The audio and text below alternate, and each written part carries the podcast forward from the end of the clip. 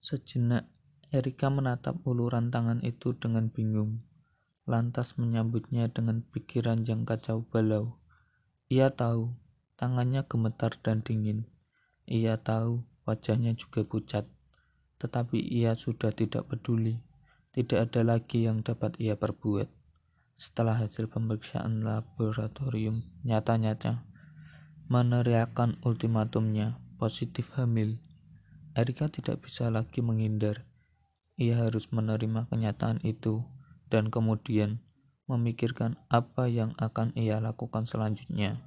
Dan pukulan pert pertama itu ia terima begitu bangkit dari kursi untuk pamitan.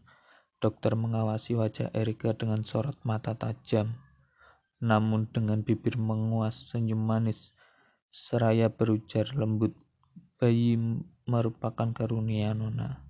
Jangan sia-siakan pemberian Tuhan. Nona, bukan lagi nyonya. Jadi, dokter itu sudah tahu sendiri tanpa Erika harus repot-repot menjelaskannya.